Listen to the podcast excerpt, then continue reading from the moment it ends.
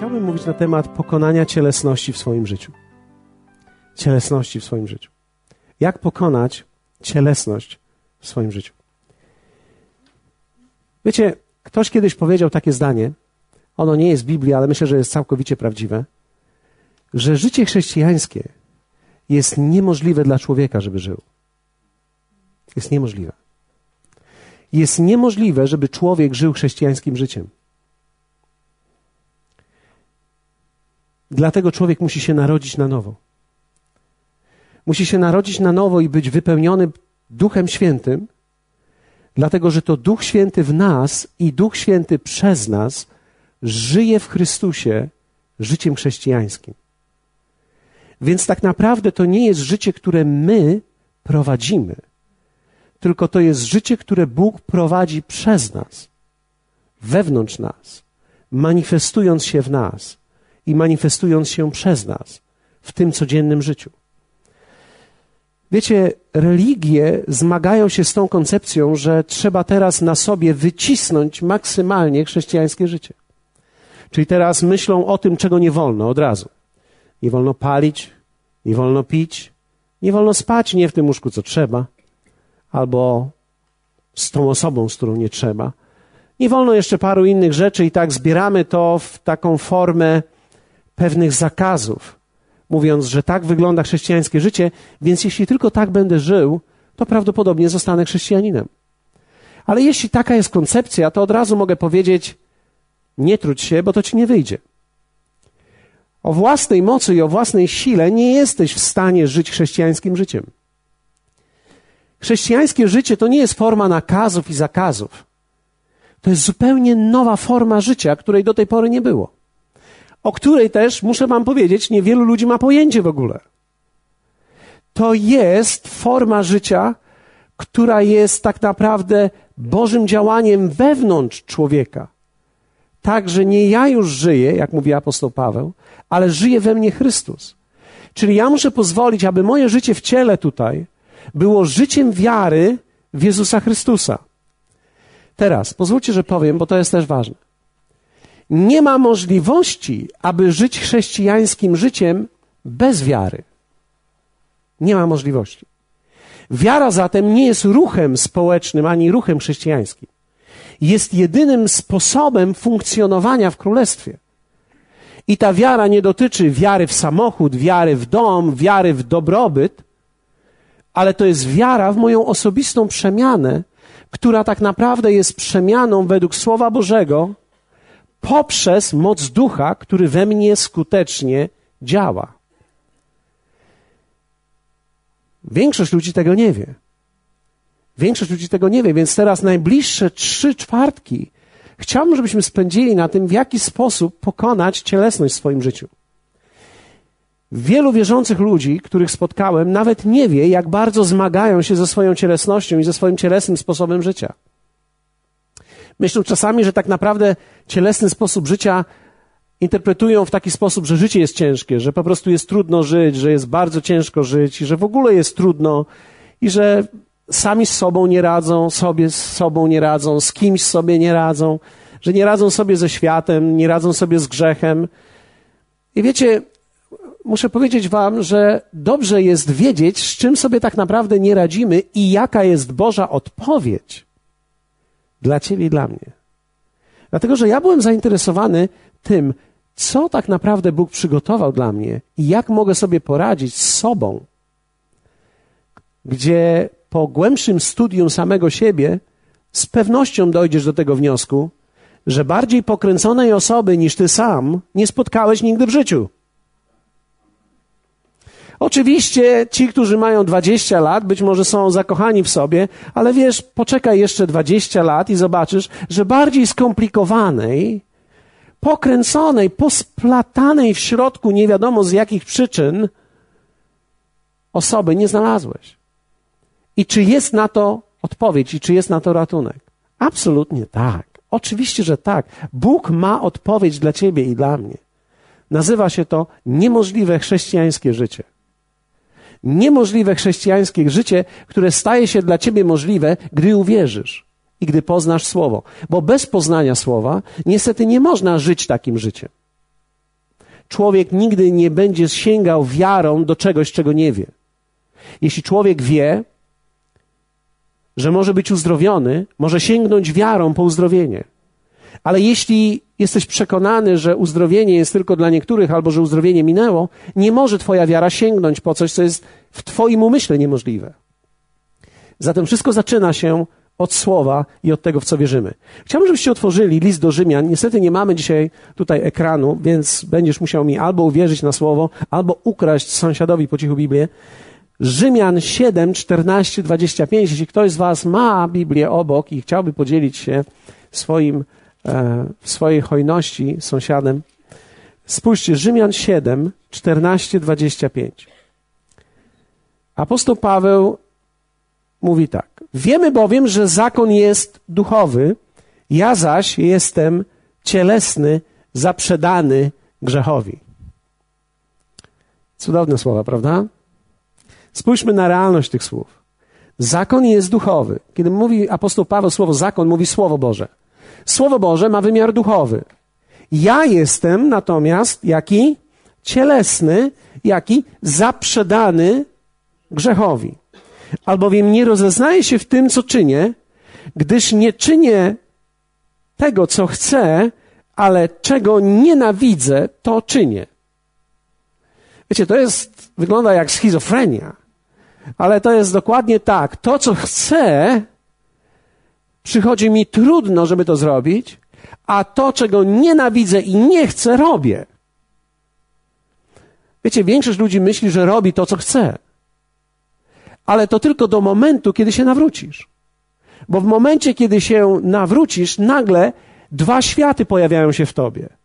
Do momentu, kiedy człowiek nie jest nawrócony, żyje tak naprawdę jednym. Robi to, co chce. I nie widzi żadnej różnicy pomiędzy tym, co chce, a cokolwiek innego, i nie widzi żadnej innej rzeczywistości. W momencie, kiedy się człowiek nawraca, nagle powstaje w nim inny rodzaj chcenia zaczyna pragnąć innych rzeczy. Zaczyna pragnąć wypełniać wolę Bożą. Tymczasem znajduje się w takiej pułapce. Chce robić pewne rzeczy, przychodzą one trudno, natomiast rzeczy, które nienawidzi i już nie chce, w dalszym ciągu robi. Werset 16 mówi tak: A jeśli to czynię, czego nie chcę, zgadzam się z tym, że zakon jest dobry ale wtedy czynię to już nie ja. I to nie jest wymówka, lecz grzech, który mieszka we mnie. Apostoł Paweł mówi wyraźnie i wskazuje na to, że grzech mieszka w człowieku. Powiedzmy razem w człowieku. Grzech mieszka w człowieku. W człowieku mieszka grzech w dwóch postaciach. Mieszka grzech w jego grzesznej naturze i mieszka grzech w jego ciele. Tak? Mieszka grzech w jego grzesznej naturze i mieszka grzech w jego ciele. Teraz, kiedy człowiek rodzi się na nowo, natura grzeszna jest zamieniona na naturę Bożą. Sam wszechmogący Bóg oczyszcza ciebie, wchodzi i ma w tobie mieszkanie. Natura grzeszna odchodzi. Przychodzi natura Boża. Pozna, pozostaje tylko jednak w dalszym ciągu druga forma mieszkania grzechu. To jest grzech w dalszym ciągu mieszka w Twoim ciele. I tego się już nie pozbędziesz. To jest już choroba dozgonna. Grzech, który mieszka w Twoim ciele, jest chorobą nieuleczalną. Dlatego też będziesz musiał otrzymać nowe ciało, kiedy będziesz zmartwychwstały. Lub też, jak mówi pismo, gdyby Pan przyszedł wcześniej, to będziesz przemieniony w okamgnieniu w swoim ciele. Dlaczego? Bo twoje ciało nie jest w stanie zmienić się. Twoje ciało musi obumrzeć w tej formie, w której jest, w grzesznej formie. Musi obumrzeć. Tak jak Twój duch, który był martwy, musiał w pewnym sensie pokazać swoją śmierć i powstać z martwych, co się dokonuje w chrzcie. Dlatego chrzest jest tak bardzo ważny. Chrzest nie jest tylko zewnętrznym znakiem, chrzest jest zawarciem przymierza, chrzest jest jak ślub oficjalny. Chrzest jest bardzo ważny. Niektórzy ludzie mówią, ha, ja po prostu żyję z Chrystusem. Tak, to jest tak, jakbyś żył z dziewczyną bez ślubu. Też może powiedzieć, a teraz co ma się wyprowadzić? Nie odpowiem dzisiaj na to pytanie, ponieważ to dotyczy Chrystusa więc trudno się jemu wyprowa- wyprowadzić. Chodzi o to jednak, że Słowo mówi i wskazuje nam, że kiedy człowiek jest narodzony na nowo, powinien przyjąć chrzest, objawić swoje, swoją śmierć i zmartwychwstanie, którym jest powstanie z wody. Spójrzmy dalej. A jeśli czynię to, czego nie chcę, już nie ja to czynię, ale grzech, który mieszka we mnie. Uuu, jakie to jest cudowne. To brzmi jak ulga, prawda? Czy to nie brzmi jak ulga? To brzmi dla mnie jak ulga, ponieważ nagle mogę powiedzieć, hej, to już nie ja czynię, nie jestem winny, nie jestem winny, nie ja, tylko grzech, który mieszka we mnie. Wiecie, to jest ulga taka tylko na chwilę, bo to jest troszeczkę tak, jakby człowiek powiedział, który zabił kogoś, to nie ja zabiłem, tylko grzech, który we mnie mieszka, zabił tą drugą osobę. Tak, ale pójdziesz siedzieć bo ten grzech, który w tobie mieszka, w dalszym ciągu za niego i za jego manifestację ty odpowiadasz. I teraz dwudziesty pierwszy. Znajduje tedy w sobie zakon, że gdy chce czynić dobrze, trzyma się mnie złe. Bo według człowieka wewnętrznego mam upodobanie w zakonie Bożym. Co to znaczy? Według mojego człowieka, który jest w moim duchu, czyli mój nowy człowiek, który jest zrodzony z Boga, Wiecie, nowe narodzenie jest największym cudem świata. Nowe narodzenie powoduje, że nagle pragniesz Słowa Bożego. Pragniesz Biblii. Chcesz to czytać. Jesteś tym zainteresowany, bo twój nowy człowiek pragnie jak dziecko tego mleka, tego pokarmu. Hmm. Bo według człowieka wewnętrznego mam upodobanie w zakonie Bożym. To właśnie wewnętrzny człowiek powoduje, że chce przyjść z otwartą Biblią i czytać ją. Chce przyjść i ją studiować. To mój wewnętrzny człowiek pragnie być tutaj teraz. Czy moje ciało tego pragnie? Nie, być może moje ciało będę musiał zmusić, żeby nie zasnąć bo moje ciało prawdopodobnie, gdy zrobi mu się tylko trochę ciepło, będzie dokładnie reagowało na Słowo Boże tak, jak na wszystkie inne rosyjskie czy czeskie firmy kiedyś przed laty. Twoje ciało nie chce słuchać Słowa Bożego. Nie możesz być w alercie i obudzony dlatego, że słuchasz Słowa Bożego. Nie, nie będziesz. Albo jeśli byłeś, to po pewnym czasie nie będziesz. Dlaczego? Bo to nie ciało ma upodobanie w Słowie Bożym. To Twój duch ma upodobanie w Słowie Bożym. Ty zatem będziesz musiał coś zrobić ze swoim ciałem, żeby trzymać je obudzone, żeby słuchało tego, co mówię. O, gdyby pastor trochę poszalał, gdyby troszkę pobiegał, gdyby był bardziej ekspresyjny, może byśmy nie zasnęli. Prawdopodobnie tak, ale widzisz, jeśli miałbym teraz grać na Twoich emocjach i przypodobać się Twojemu ciału, musiałbym znaleźć dla Ciebie inne dźwięki i inne obrazy, które by Cię tak obudziły i byłbyś w takim alercie, że nie mógłbyś spać przez całą noc. Czy to jest możliwe? Oczywiście, że tak. Oczywiście, że tak. Wystarczy tylko właściwy dźwięk i właściwy obraz i twoje ciało będzie reagowało. Gdy jesteś głodny, wystarczy tylko, że będziesz oglądał kuchnię TV.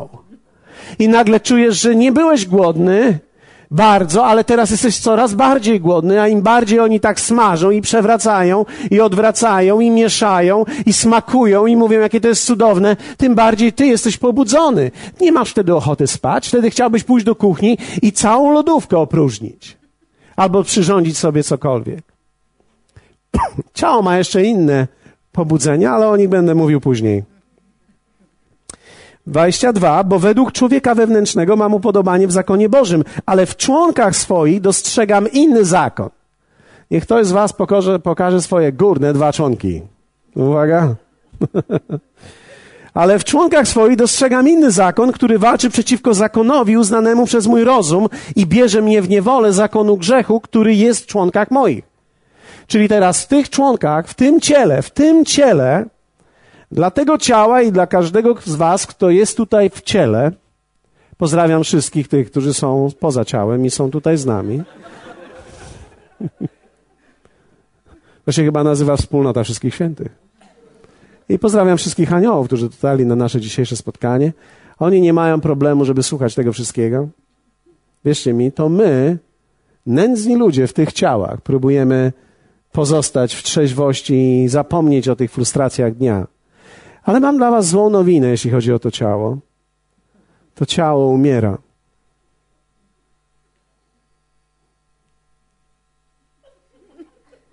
Moja teściowa zawsze tak sprawdza. I mówi, jak już przestanie ci się cofać, to już nie jest dobrze. jak już przestanie ci się cofać, to już nie jest dobrze. I oczywiście niektórzy z Was teraz będą cały czas sprawdzać to, ale, ale rzeczywiście tak jest, że to ciało umiera. Wiecie, Adaś urodził się, Adaś rozpoczął życie, ale w pewnym sensie realna historia jest taka, że on nie rozpoczął życia, on zaczął umieranie. Oczywiście zajmie mu to długo, dłużej niż większości z nas prawdopodobnie, ale on rozpoczął właśnie moment umierania, dlatego że w jego ciele nie mieszka już dzisiaj dobro, ale w jego ciele mieszka grzech. W jego ciele jest obudzony grzech. I to zajmie mu tylko może rok albo półtora, żeby odkryć to wszystko, co w nim jest w tym ciele. Nikt go nie będzie musiał uczyć mówić, nie, to moje. On się tego nauczy szybko. Moje, to moje, to dla mnie. Nie, i, i mamusie będzie chlas, chlas. To będzie pierwsze, to będzie pierwsze spoliczkowanie, które kiedykolwiek ojciec i mama przeżyją. To jest tak dobra nowina dla Agaty, kiedy będzie odsłuchiwała tą płytę. Ale rzeczywiście tak jest.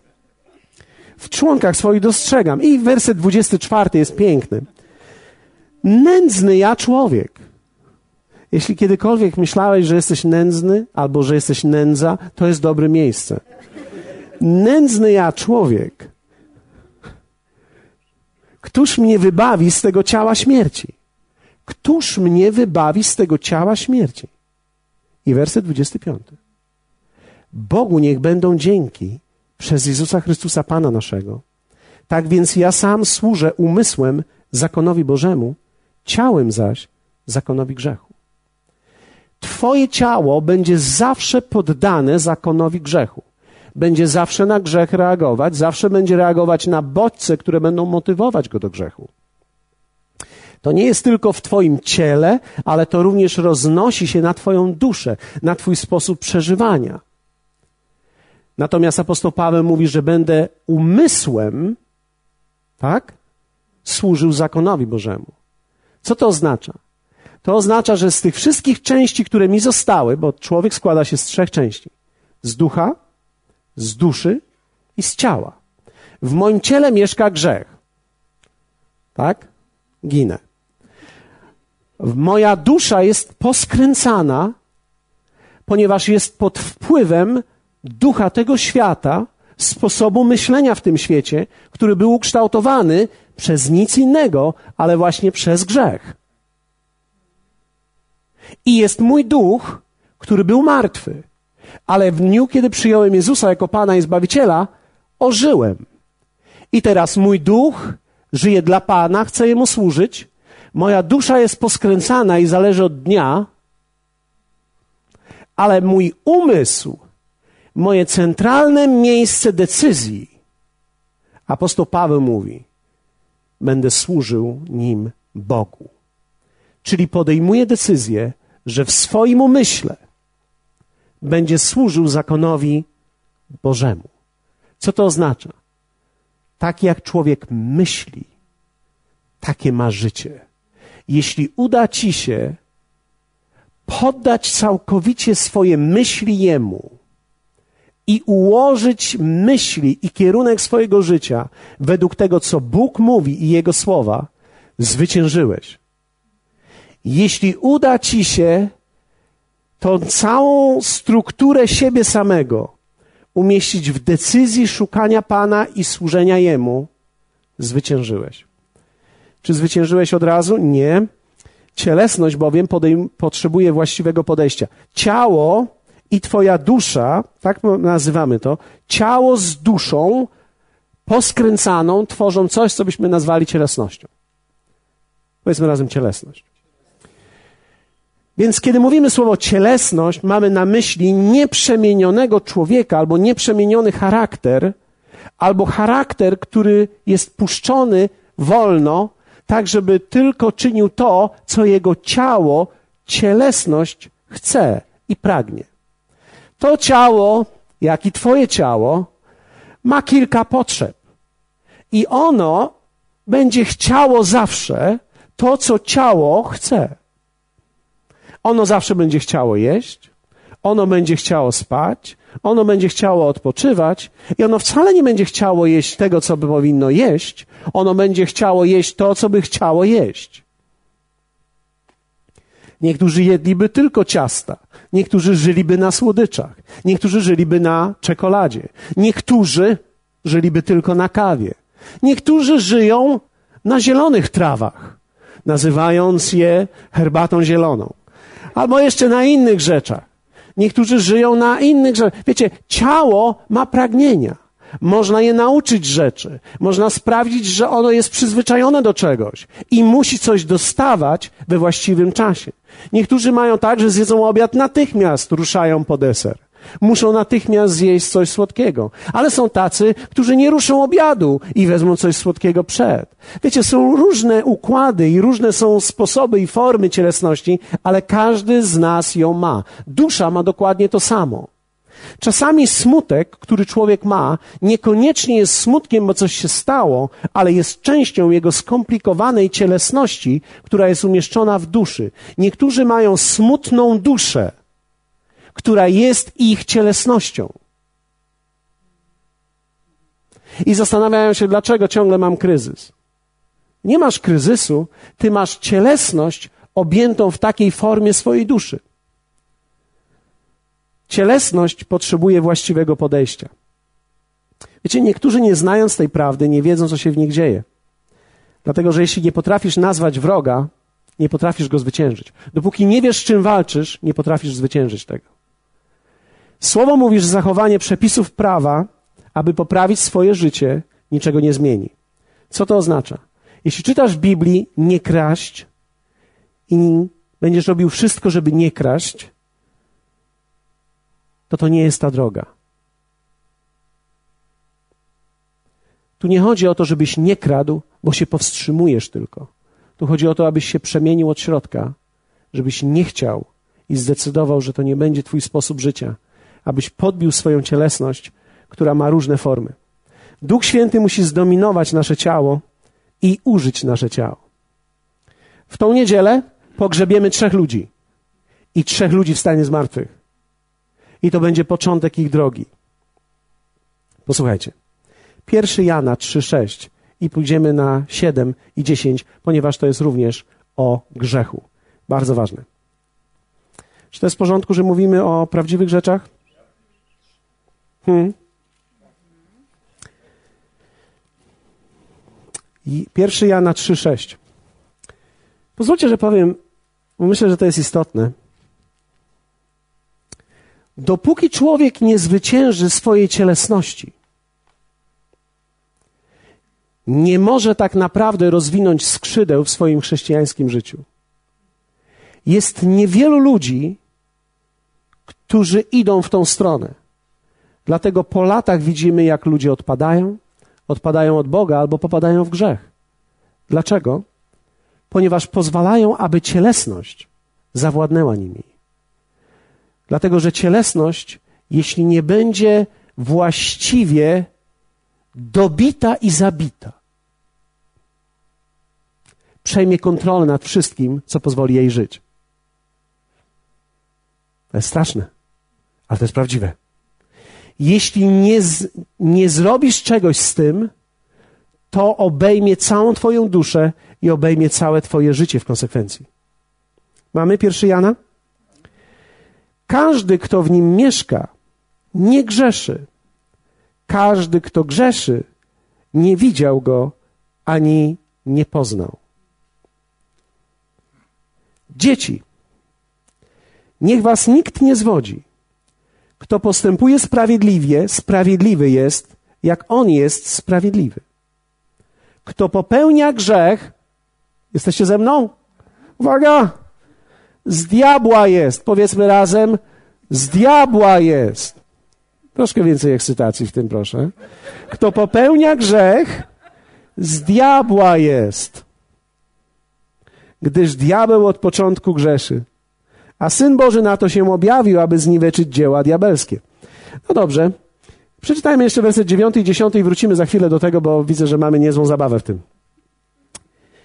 Kto popełnia grzech z diabła jest, gdyż diabeł od początku grzeszy, a Syn Boży na to się objawił. Teraz, kto z Boga się narodził, grzechu nie popełnia, gdyż posiew Boży jest w nim i nie może grzeszyć, gdyż z Boga się narodził. Po tym poznajecie dzieci Boże i dzieci diabelskie. Dzieci diabelskie, proszę wstać. Nie wstawaj, jeśli słuchasz tego w samochodzie. Po tym poznaje się dzieci Boże i dzieci diabelskie. Kto nie postępuje sprawiedliwie, nie jest z Boga, jak też ten, kto nie miłuje brata swego. Zobaczcie. Wróćmy z powrotem do wersetu ósmego. Kto popełnia grzech, z diabła jest, gdyż diabeł od początku grzechy, grzeszy. I teraz, kto z Boga się narodził, grzechu nie popełnia.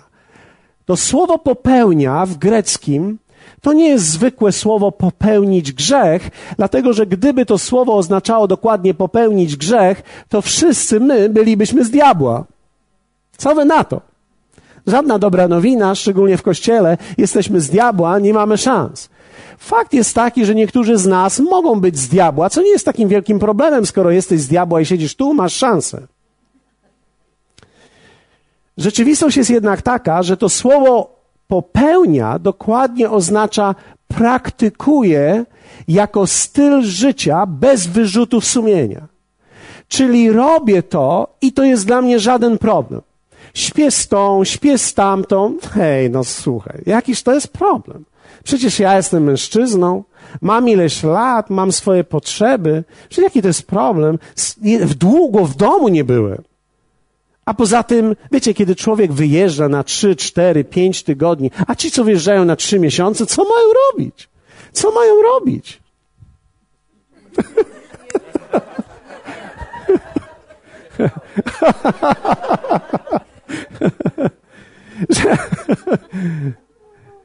Wiecie, ale to by oznaczało, że człowiek nie ma żadnych skrupułów. Dlaczego? Dlatego, że w ciele nie ma żadnych ograniczeń. Ciało nie stawia żadnego oporu. Jeśli ciało nie stawia żadnego oporu i w twojej duszy nie ma żadnego oporu, Biblia mówi, że taki człowiek jest z diabła. Wiecie, i te, kiedy mówię, że kiedy Biblia mówi, że człowiek jest z diabła, wcale nie oznacza, że to jest człowiek, który jest diabłem. To oznacza, że jest z natury diabelskiej. I jedyne, co się może przydarzyć temu człowiekowi, to jest narodzić się na nowo i być natury Bożej. Czy to jest możliwe? Tak. Tylko człowiek, który zaczyna żyć naturą Bożą, niestety nie może praktykować grzechu i czuć się z tym dobrze. On nie będzie tego robił jako styl życia. On może to zrobić i zgrzeszyć, ale będzie się czuł z tym źle. Będzie się czuł fatalnie. Bardzo źle nawet. Wiecie, kiedy człowiek się narodzi na nowo, to coś, co sprawiało mu przyjemność, nagle w środku zacznie odczuwać, że to nie jest tak, że to nie jest właściwe, że to nie jest dobre. Nawet pamiętam kiedyś, kiedy byliśmy w oazie i widzieliśmy, jak ludzie nawracają się, mieliśmy takie świadectwa, że ktoś mówi, ja to zawsze próbowałem na gapę przejechać, ale odkąd się narodziłem na nowo, zawsze kasuję bilet, bo kiedy już wsiadłem po tym, jak oddałem życie Jezusowi i to czułem, że coś jest nie tak, że teraz ja mam bilet, powinienem go skasować, a ja go nie kasuję, bo chcę przejechać trochę więcej. Człowiek nie robi tego, bo musi, człowiek robi to, bo chce. Nagle coś się w tobie zmieniło i to jest największy dowód nowego narodzenia. Wierzcie mi, jeśli człowiek żyje jak diabeł i nie ma z tym problemu, to prawdopodobnie jest z diabła. Ale jeśli człowiek żyje źle, mimo że czuje, że to nie jest tak, jak powinien żyć, to jest związany swoją cielesnością i powinien z tym skończyć. Powinien szukać Pana, w jaki sposób odejść od tego i szukać rozwiązań. Dlaczego? Bo jeśli nie znajdzie rozwiązań, grzech, który dzisiaj jest mały, zdominuje w konsekwencji jego życie i pochłonie jego życie i zniszczy jego życie. Wiecie, diabeł, e, diabeł nie, nie, w tym nie ma żadnej zabawy. On robi tak, że próbuje cię troszkę podkarmić, dać ci troszkę przyjemności, bo on ma tylko jeden cel zniszczyć twoje życie bo on wie, że Twoje życie jest tak cenne. Ty mógłbyś tak wiele rzeczy zrobić dla Pana, tak wielka Boża manifestacja mogłaby być wewnątrz Ciebie, ale jeśli tylko on zniszczy Twoje życie, on zrobi wszystko. On Cię kupi na przyjemność, na chwilowe zaspokojenie. Ale nie ma czegoś takiego jak chwilowe zaspokojenie bez konsekwencji. Konsekwencje przyjdą. Kto z Boga się narodził, grzechu nie popełnia nie kontynuuje w tym jako stylu życia, gdyż posiew Boży, dokładnie greckie słowo tutaj to jest sperm. Nasienie Boże jest w nim. Coś rzeczywistego i prawdziwego stało się w człowieku. Wiecie, kiedy kobieta zachodzi w ciążę, nagle jej organizm się zmienia. Zaczyna pragnąć innych rzeczy, nawet gdy nie jest do końca jeszcze świadoma, że jest w ciąży. Tak samo jest z nowonarodzonym człowiekiem. Nowonarodzony człowiek, nagle jego ciało, w jego cielesności rzeczy się zmieniają, w jego duszy zaczyna pragnąć zupełnie innych rzeczy. Dlatego zbawienie jest największym cudem, który ma miejsce na ziemi. Człowiek nawrócony prawdopodobnie może dalej trwać w czymś, co jest złe, ale nie będzie to już dla niego takie obojętne. Są wierzący ludzie, którzy palą. Ale wiecie, Palić przed nawróceniem i palić po nawróceniu to są dwa różne rodzaje piekła. Człowiek, który pali przed nawróceniem, pali i się zaciąga i ale jestem młody, ale jestem przystojny, ale jest fajnie, ale mam kopa, ale jest dobrze. Albo ale jestem piękna, jaka jestem modna. Człowiek, który pali, gdy jest nawrócony, pali nerwowo. Żeby ich nie widział. Panika w oczach. Przed sobą chciałby człowiek uciec. Chciałby go zgasić, zapomnieć, że palił. Chciałby palić bez Boga. Więc tak odsuwa Boga. Ale przed nim się nie można ukryć, bo on już mieszka w tobie. Wiecie, jeśli ktoś mówi o piekle na ziemi, to to jest piekło. To jest życie jak diabeł i być na nowo narodzonym człowiekiem. Bo to jest piekło, to jest męczarnia. To nie jest jeszcze taka męczarnia jak piekło, które będzie, ale to jest naprawdę męczarnia. Albo żyć w niewłaściwym związku. Zdradzać swoją żonę. Albo spać z kimś bez ślubu, albo przed ślubem, albo po ślubie. To dotyczy zarówno młodych, jak i starych. Tak, bo niektórzy myślą, że teraz jak już mam 70 lat czy 65 lat, to już nie mam hormonów. I czego jeszcze chcesz powiedzieć, że nie masz? Kodry nie masz? Pamiętaj, że do 120 lat krew nie woda, majty nie pokrzywy. O, ja sobie tylko, my tak chodzimy, że tylko zaparzamy kaweczki. Kłammy razem, ale nie okłamujmy się nawzajem. Jak, jak kłamiemy, to, to stójmy razem w rzędzie i kłammy kogoś, ale nie mówmy do siebie kłamstwa, bo wtedy już jest źle. Uuu. Nazwijmy te rzeczy po imieniu. To jest cielesność. To jest cielesny sposób życia, który ma swoje konsekwencje. To jest spuszczanie diabła do domu. To jest spuszczanie diabła do mojego życia. To jest kompromis w moim życiu. To jest coś, co będzie mnie kosztowało. No i wejdźmy w to, co jest pięknem. Mamy jeszcze 15 minut. Co wy na to? Musimy dzisiaj szybko skończyć, bo jest sam w Nowym Jorku na Polsacie. Więc pomyślałem sobie, że powinniśmy wcześniej skończyć. Galacjan 5, 16, 21. Mój szwagier powiedział, że jestem jedynym człowiekiem, który potrafi przeskoczyć z ducha w ciało w jednej sekundzie i z powrotem wrócić w ducha. Wiecie, większość ludzi potrafi wyjść z ducha, wskoczyć w ciało, ale z powrotem jest trudniej. Ja robię w jedną i w drugą stronę bardzo szybko. Galacjan 5, 16, 21.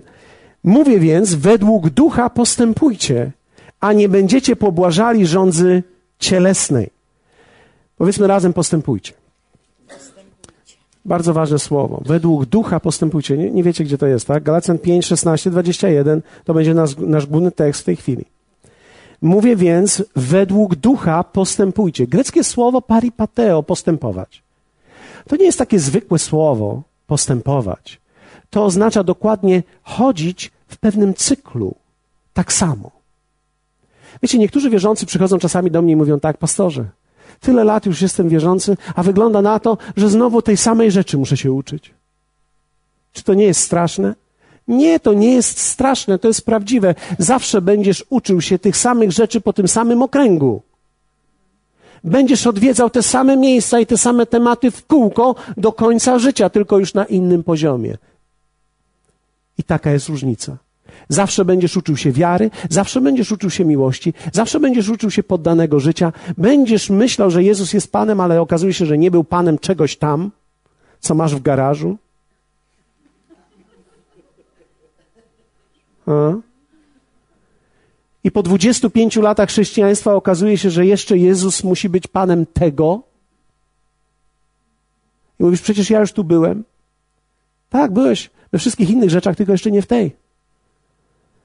Więc postępujcie oznacza chodzić w kółko według właściwego systemu, według ducha, według ducha, według słowa, według tego ducha, który w was zamieszkał. Zamieszkał w tobie duch i on będzie ciebie prowadził. I on będzie prowadził ciebie w kółko, abyś podążając za słowem, wypełniając jego słowo, żył i budował jego królestwo tutaj na ziemi aby przez Twoje życie, kiedy ludzie będą patrzeć na nie i którzy będą się dotykać Twojego życia, mogli zobaczyć, że to jest jakiś inny rodzaj życia, niż wszyscy inni ludzie prowadzą. A wtedy Ty im powiesz, tak, to jest inny rodzaj życia. To jest chrześcijańskie życie. To jest chodzenie w duchu. Powiedzmy razem chodzenie w duchu.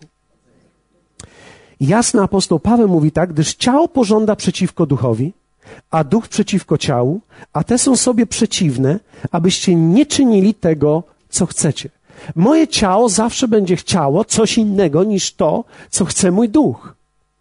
Moje ciało chce spać, chce leżeć do pierwszej w południe w niedzielę. Ale o pierwszej jest już po spotkaniu. Moje ciało zawsze w czwartki czuje się zmęczone.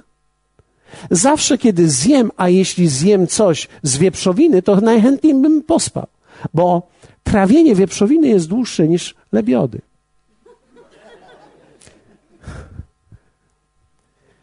Prawie zawsze są okoliczności, na które człowiek zwraca uwagę. Jest ciemno, jest ślisko, jest daleko. My nigdy nie mamy takich odczuć, gdy chcemy pojechać do atrium. W atrium są światła, jest muzyka, jest zapach, jest, jest hałas, jest tyramizu, które cię tyranizuje. Gdyż ciało pożąda przeciwko duchowi, a duch przeciwko ciału, a te są sobie przeciwne, abyście, zobaczcie, abyście nie czynili tego, co chcecie. O, to cóż to jest za życie? Ciągle żyć wbrew sobie, nie robić tego, co chcę. Widzisz, to nie jest nie robić tego, co chcesz, tylko nauczyć się chcieć i żyć chceniem, które płynie z ducha, a nie chceniem, które zawsze było w Twoim ciele i które zawsze będzie prowadziło Cię do zniszczenia, i w Twojej duszy, która zawsze będzie zniszczona. A jeśli duch Was prowadzi, nie jesteście pod zakonem. Jawne zaś są uczynki ciała. I dzisiaj zajmiemy się tylko trzema na koniec. Pokażemy je, żeby było jasne. Tak myślę, jaki kolor by was nie odstraszył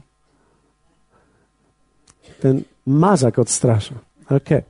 Kiedyś, jak będziemy już obfitującym kościołem, kupimy sobie dwa albo trzy, może nawet nowe mazaki. Ja myślę, że to będzie dzień obfitości. Będziemy mogli to nazwać dniem obfitości. Okej. Okay. Podkreślcie sobie te słowa. Wszeteczeństwo. Powiedzmy razem wszeteczeństwo. Nie wiem, jak ja to napiszę.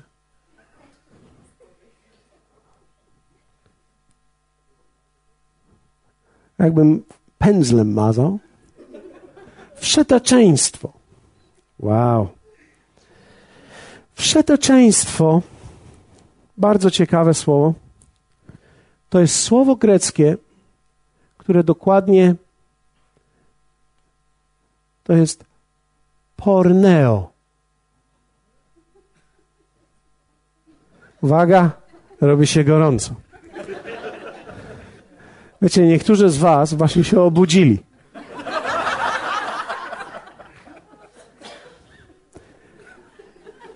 Kluczowym korzeniem tego słowa porneo jest słowo greckie pornos, które tak naprawdę łączy się ze słowem prostytucja. Prostytucja najczęściej w tym języku greckim odnoszona jest do kobiety. Natomiast dla mężczyzny najczęściej słowo jest pornos. Apostoł Paweł mówi tutaj o wszeteczeństwie jako o rządzy ciała i o tym, co mieszka w Twoim ciele. Ktoś może powiedzieć, w moim ciele to nie mieszka. W każdym ciele to mieszka. W każdym. Jeśli dzisiaj się obudziłeś i musiałeś coś zjeść albo wypić, to wszeteczeństwo w tobie mieszka. Jeśli tutaj dotarłeś do nas i nie widać cię, to możliwe, że jesteś ciałem astralnym, których nie ma. I być może nie masz tego. Ale w twoim ciele mieszka porneo, mieszka wszeteczeństwo to tylko jest kwestia pobudzenia tego ciała, żeby to zaistniało. To nie jest kwestia tego, czy ty to masz, czy nie. To jest tylko kwestia, czy to w tobie będzie pobudzone i czy będziesz podążał w tą stronę. Słowo prostytucja, tak jak powiedziałem, w to określenie było najczęściej stosowane do kobiety w greckim. To jest jakby oddanie siebie, swojego ciała poza przymierzem małżeńskim ku przyjemności poza przymierzem małżeńskim. I wiecie, to wcale nie musi być za pieniądze. Biblia to słowo porneo nie określa w kontekście prostytucji jako, jako czymś, co jest zarobkowe. To może być usprawiedliwione typu o, ja go po prostu kocham. To zaspokaja coś w twojej duszy. Bycie w tym związku jest porneo, jest wszeteczeństwem, jest uczynkiem ciała jest życiem według ciała. Może to być poczucie bezpieczeństwa. Może być to za emocjonalne związanie. Ja go nie kocham, ale on ma dużo kasy. A ja mam dużo bezpieczeństwa przy nim. Najczęściej to słowo kojarzone jest ze słowem porno, grafia. Te dwa greckie słowa, dokładnie porno, grafia, oznaczają luźny, seksualny związek z kimkolwiek lub z czymkolwiek.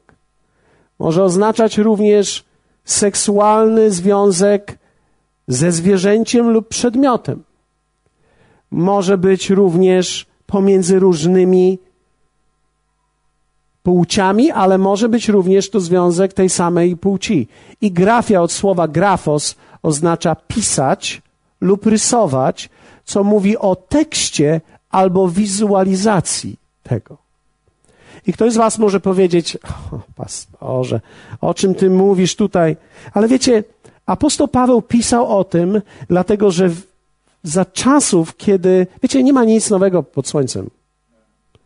W czasach, których on pisał, porneo było czymś zupełnie naturalnym. Są w dalszym ciągu z tamtego czasu książki Rzymski seks, gdzie są opublikowane i były z rysunkami, które prawdopodobnie nie wiedzielibyście, że takie coś w ogóle istnieje i że można tego dokonać. Czy wiecie, że w tamtym czasie ludzie mieli pornografię na naczyniach, na których jedli? Była malowana i rysowana na stołach, na ścianach, sufitach. To było coś zupełnie normalnego i było powszechnie używane w tamtym czasie. Co było nieprawdopodobną siłą rozwiązłości w danym miejscu, gdyż pobudzało cielesne bodźce. Wiecie, Jezus powiedział, że gdy ktoś spojrzy na kobietę, już popełnił z nią cudzołóstwo. I oczywiście ktoś z Was może powiedzieć, a to jest niesprawiedliwe, bo ja nie popełniłem, a jednak popełniłem. A skoro już tylko spojrzałem i popełniłem, to już lepiej iść na całość i popełnić na, na całość. Wiecie, ale to, to jest dokładnie w taką samą stronę. Pomyśleć, że chciałbym kogoś zabić, a zabić kogoś, to są dwie różne rzeczy. I to jakoś nam przychodzi do głowy, ale, ale ta kwestia e, cudzołóstwa jakby nie. Było mnóstwo tych rzeczy na ścianach. Mateusza 5,28. A ja wam powiadam, że każdy, kto patrzy na niewiastę i pożąda jej już, popełnił z nią cudzołóstwo w sercu swoim. Apostoł Paweł mówi o tym, że wszeteczeństwo jest tym pierwszym, na które musimy zwrócić uwagę. I teraz pozwólcie, że powiem, to nie, to nie dotyczy tylko mężczyzn. To dotyczy również kobiet. Kobiety mogą fantazjować. Wcale nie, nie trzeba, nie trzeba niczego oglądać, wystarczy myśleć o rzeczach w niewłaściwy sposób. Można tak naprawdę wizualizować w sobie rzeczy. Można marzyć o kimś, wyobrażać sobie kogoś innego. Można w swoim umyśle uprawiać seks z kimś. Niekoniecznie fizycznie. To jest cielesność. I to jest cielesny sposób życia. Dlaczego jest to tak ważne i dlaczego to jest w naszym umyśle? Ano właśnie dlatego, że tak jak człowiek myśli, takim się stajesz. Myśli, które tobą zawładną, pchną ciebie w tą rzeczywistość. Jest niemożliwe, abyś bawił się z czymś, i nie poszedł w tą stronę, dlatego że te rzeczy będą rosły w tobie. To jest tak, jakbyś się oblał benzyną i podpalał zapałkę, myśląc, nie spłonę, nie spłonę, nie spłonę.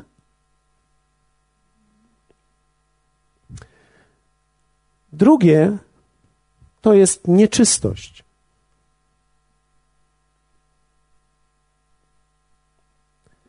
Nieczystość. Greckie słowo, główne greckie słowo, ten korzeń greckiego słowa to jest katarasia. To jest od tego słowa greckiego katarasis, jako akt oczyszczenia.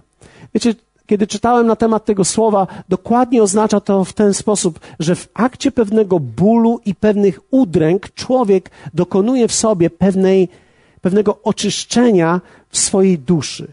Czyli przez boleść człowiek jakby się oczyszcza, nabiera pewnej równowagi.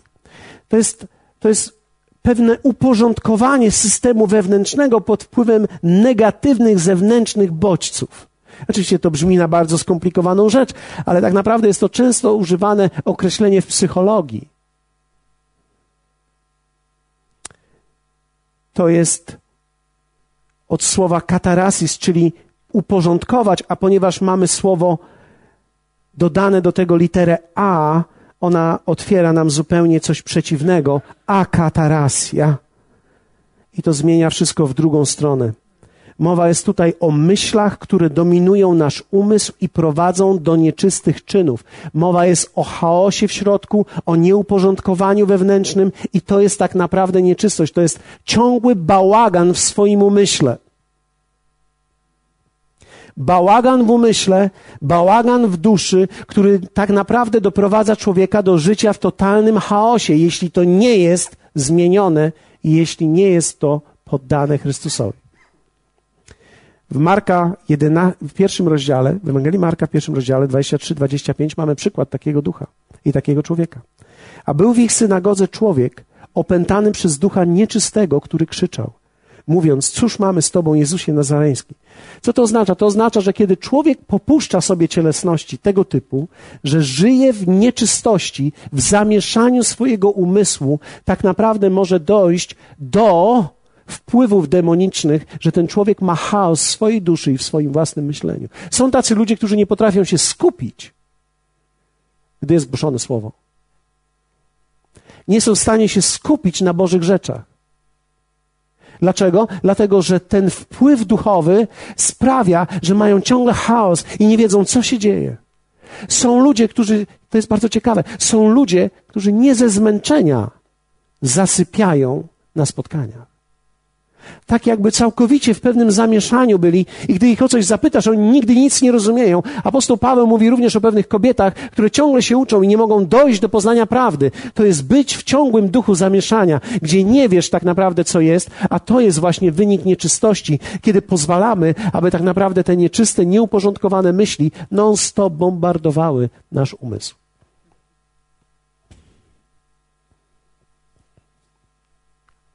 Tak a propos, ten człowiek w synagodze był liderem tej synagogi.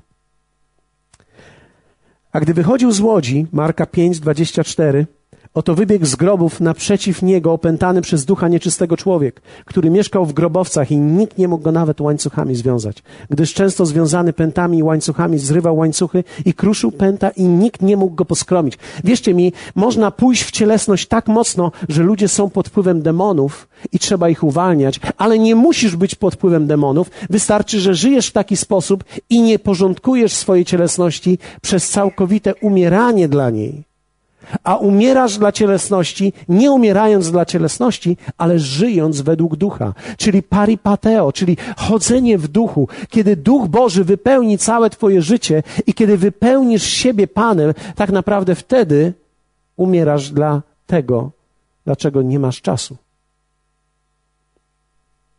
Jeśli Twój umysł jest wypełniony uwielbieniem, nie masz czasu w nim przeklinać. Kiedy Twój umysł wypełniony jest Słowem Bożym, myślami Bożymi, nie masz czasu na zamieszanie. Wtedy Twoja dusza się inaczej czuje. Zupełnie inaczej funkcjonujesz. Dlatego tak wiecie, każdego rana ja od razu wstając biorę i wypełniam moje myśli myślami Bożymi. Ja nie robię tego dlatego, że jestem pastorem i każdy pastor musi odprawić swoją modlitwę rano. Nie, ja robię to dlatego, że w momencie, w którym się obudziłem, moje ciało obudziło się razem ze mną. I ono od samego rana najczęściej jest niezadowolone. Ono najczęściej czuje, że ta grawitacja jest niesprawiedliwa. Ono najczęściej czuje, że to łóżko jest ciepłe. I ono czuje, że woda jest zimna. I że daleko jest do kawy. I, i że w ogóle wszystko, i że to jest znowu nowy dzień. I że znowu poniedziałek. Wow. Ciało moje jest takie samo, więc ono reaguje tak samo. Patrzę na moją żonę, ona coś powie do mnie i moja cielesność od razu próbuje zadziałać, od razu próbuje coś odpowiedzieć, więc biorę Słowo Boże, wypełniam moje myśli myślami Bożymi, podporządkowuję moje życie Jemu i w ten sposób jestem gotowy, aby zmierzyć się z rzeczywistością, która jest wokół mnie. Czy problemy przyjdą? Tak, przyjdą na każdego, ale każdy człowiek zareaguje inaczej. Ten, który chodzi w duchu, zareaguje w duchowy sposób. Ten, który chodzi w ciele, zginie. Dlatego, że cielesność doprowadzi cię w konsekwencji do uśmiercania Bożych rzeczy i Bożych celów w Twoim życiu. I to jest bardzo ważne, abyśmy w kościele o tym mówili i wiedzieli o tym, bo ja widzę na przestrzeni lat, jak wielu ludzi umiera, żyjąc w cielesny sposób nie potrafiąc uporządkować swojego życia. I ktoś może powiedzieć: Ja nie widziałem za wielu ludzi, którzy umierają z powodu wszeteczeństwa. Nie musisz ich widzieć, ja o nich słyszę, a ty pilnuj siebie. I trzecie. Rozpusta.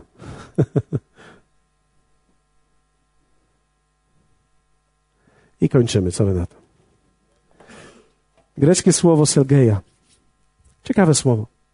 Selgeja rozpusta Sergeja. To jest coś, co jest niezbalansowane. Coś, co jest bez żadnej kontroli.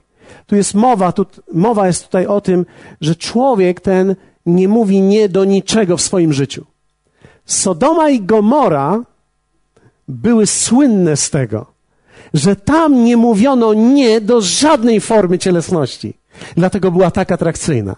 Była bogata, płacono tam grube pieniądze i tak naprawdę robiono co się tylko chce i można było robić z kim się tylko chce i im bardziej było to wymyślne, tym bardziej ciekawe to było.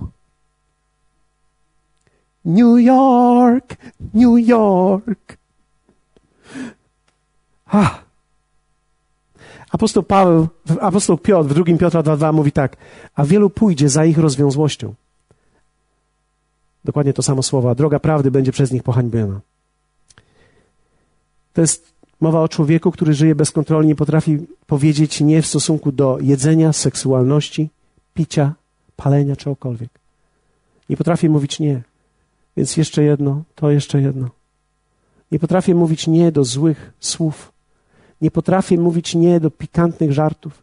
Nie potrafię mówić nie, gdy ktoś przeklina. Bawię się tym i on przeklął tak, to ja przeklę jeszcze mocniej. Wiecie, to jest rozpusta, to jest rozwiązłość. To jest brak żadnych granic w sobie. I apostoł Paweł mówi, że to jest tak naprawdę cielesność człowieka. Na koniec powiem, wszystkie dzieła cielesności są przebaczalne. Nie ma takiego grzechu w ciele, który byś popełnił, którego Bóg by nie przebaczył. Wszystkie chce przebaczyć. Wszystkie. Dlatego też w Jana czytamy, że kiedy popełnimy grzech, czyli zrobimy i upadniemy coś, możemy przyjść do Niego i przyjąć przebaczenie za to, które On nam już dał w Chrystusie i być oczyszczonym z tego uczynku. Bo to, co te uczynki robią, czynią nas brudnymi. My czujemy się źle. My nie chcemy o Panu rozmawiać, my nie chcemy podnosić rąk więcej, my czujemy się brudni, czujemy się całkowicie zanieczyszczeni. Wszystkie dzieła cielesności są przebaczalne. Większość z nas czyniła jakieś dzieła cielesności przed tym, zanim poznaliśmy Chrystusa. I po. Różnica jest tylko taka, że w momencie, kiedy się nawróciłeś, przestało to sprawiać ci to tak wielką przyjemność. Nagle ta cielesność jest dla ciebie męką. I jedyny sposób na to to jest chodzenie w duchu. Nie ma innego sposobu. Powiedzmy razem chodzenie w duchu. Chodzenie w duchu będzie wymagało od ciebie wszystkiego w twoim życiu. Cały ty będziesz musiał się poświęcić, żeby chodzić w duchu. Czy to jest dobra nowina? Myślę, że tak. Myślę, że nie jest wcale taka zła, jak wygląda. Niektórzy z Was posmutnieli, kiedy powiedziałem, że będziecie musieli chodzić w duchu. Ale to jest jedyny sposób życia, do którego zostaliśmy powołani. To jest, abyś Ty i ja, abyśmy reprezentowali Chrystusa. On dał nam swojego ducha, aby wzmocnić nas, bo mamy zdolność, aby żyć według słowa, każdy z nas. My nie jesteśmy pozbawieni tej zdolności. Ktoś może powiedzieć, ale przecież ja, przecież e, co, jaki problem jest, że, że, że żyję w czymś. Widzisz, jeśli, jeśli siedzisz w pornografii i oglądasz ją bez żadnego poczucia winy, potrzebujesz się narodzić na nowo. A jeśli siedzisz w tym i czujesz poczucie winy, jedyny sposób, aby z tego wyjść, musisz zacząć żyć w duchu. Zachęcam cię, zacznij wtedy mówić głośno językami. Jest bardzo ciężko oglądać pornografię i mówić głośno w językach. Coś wtedy nie klika. To może być początek Twojej drogi. Wstań i zacznij wielbić Pana, patrząc na to wszystko, i zobaczysz, że coś się będzie wewnątrz Ciebie działo. Wiecie, ja próbuję Wam pomóc, bo wierzę w to, że tak naprawdę niektórzy ludzie zmagają się i tak naprawdę my wszyscy, powiedzmy razem, my wszyscy, wiecie, mowa była dzisiaj o nędzy. My jesteśmy w nędzy. Któż nas wyzwoli? Jeśli byłeś nędzarzem, albo nędznikiem, albo kimkolwiek takim, to jest właśnie ten moment. Ta nędza właśnie nas wszystkich dotyka, ponieważ to ciało nigdy nie przestanie chcieć tego, co jest niewłaściwe dla niego. I jedyny sposób na to ciało to jest żyć według ducha, przez to, że umysłem zdecyduje, w którą stronę chcę iść w moim życiu. I za tydzień pójdziemy w kolejne słowa, i powiemy w konsekwencji, jak to jest żyć w duchu jak można pokonać te wszystkie rzeczy. Chcesz się zająć?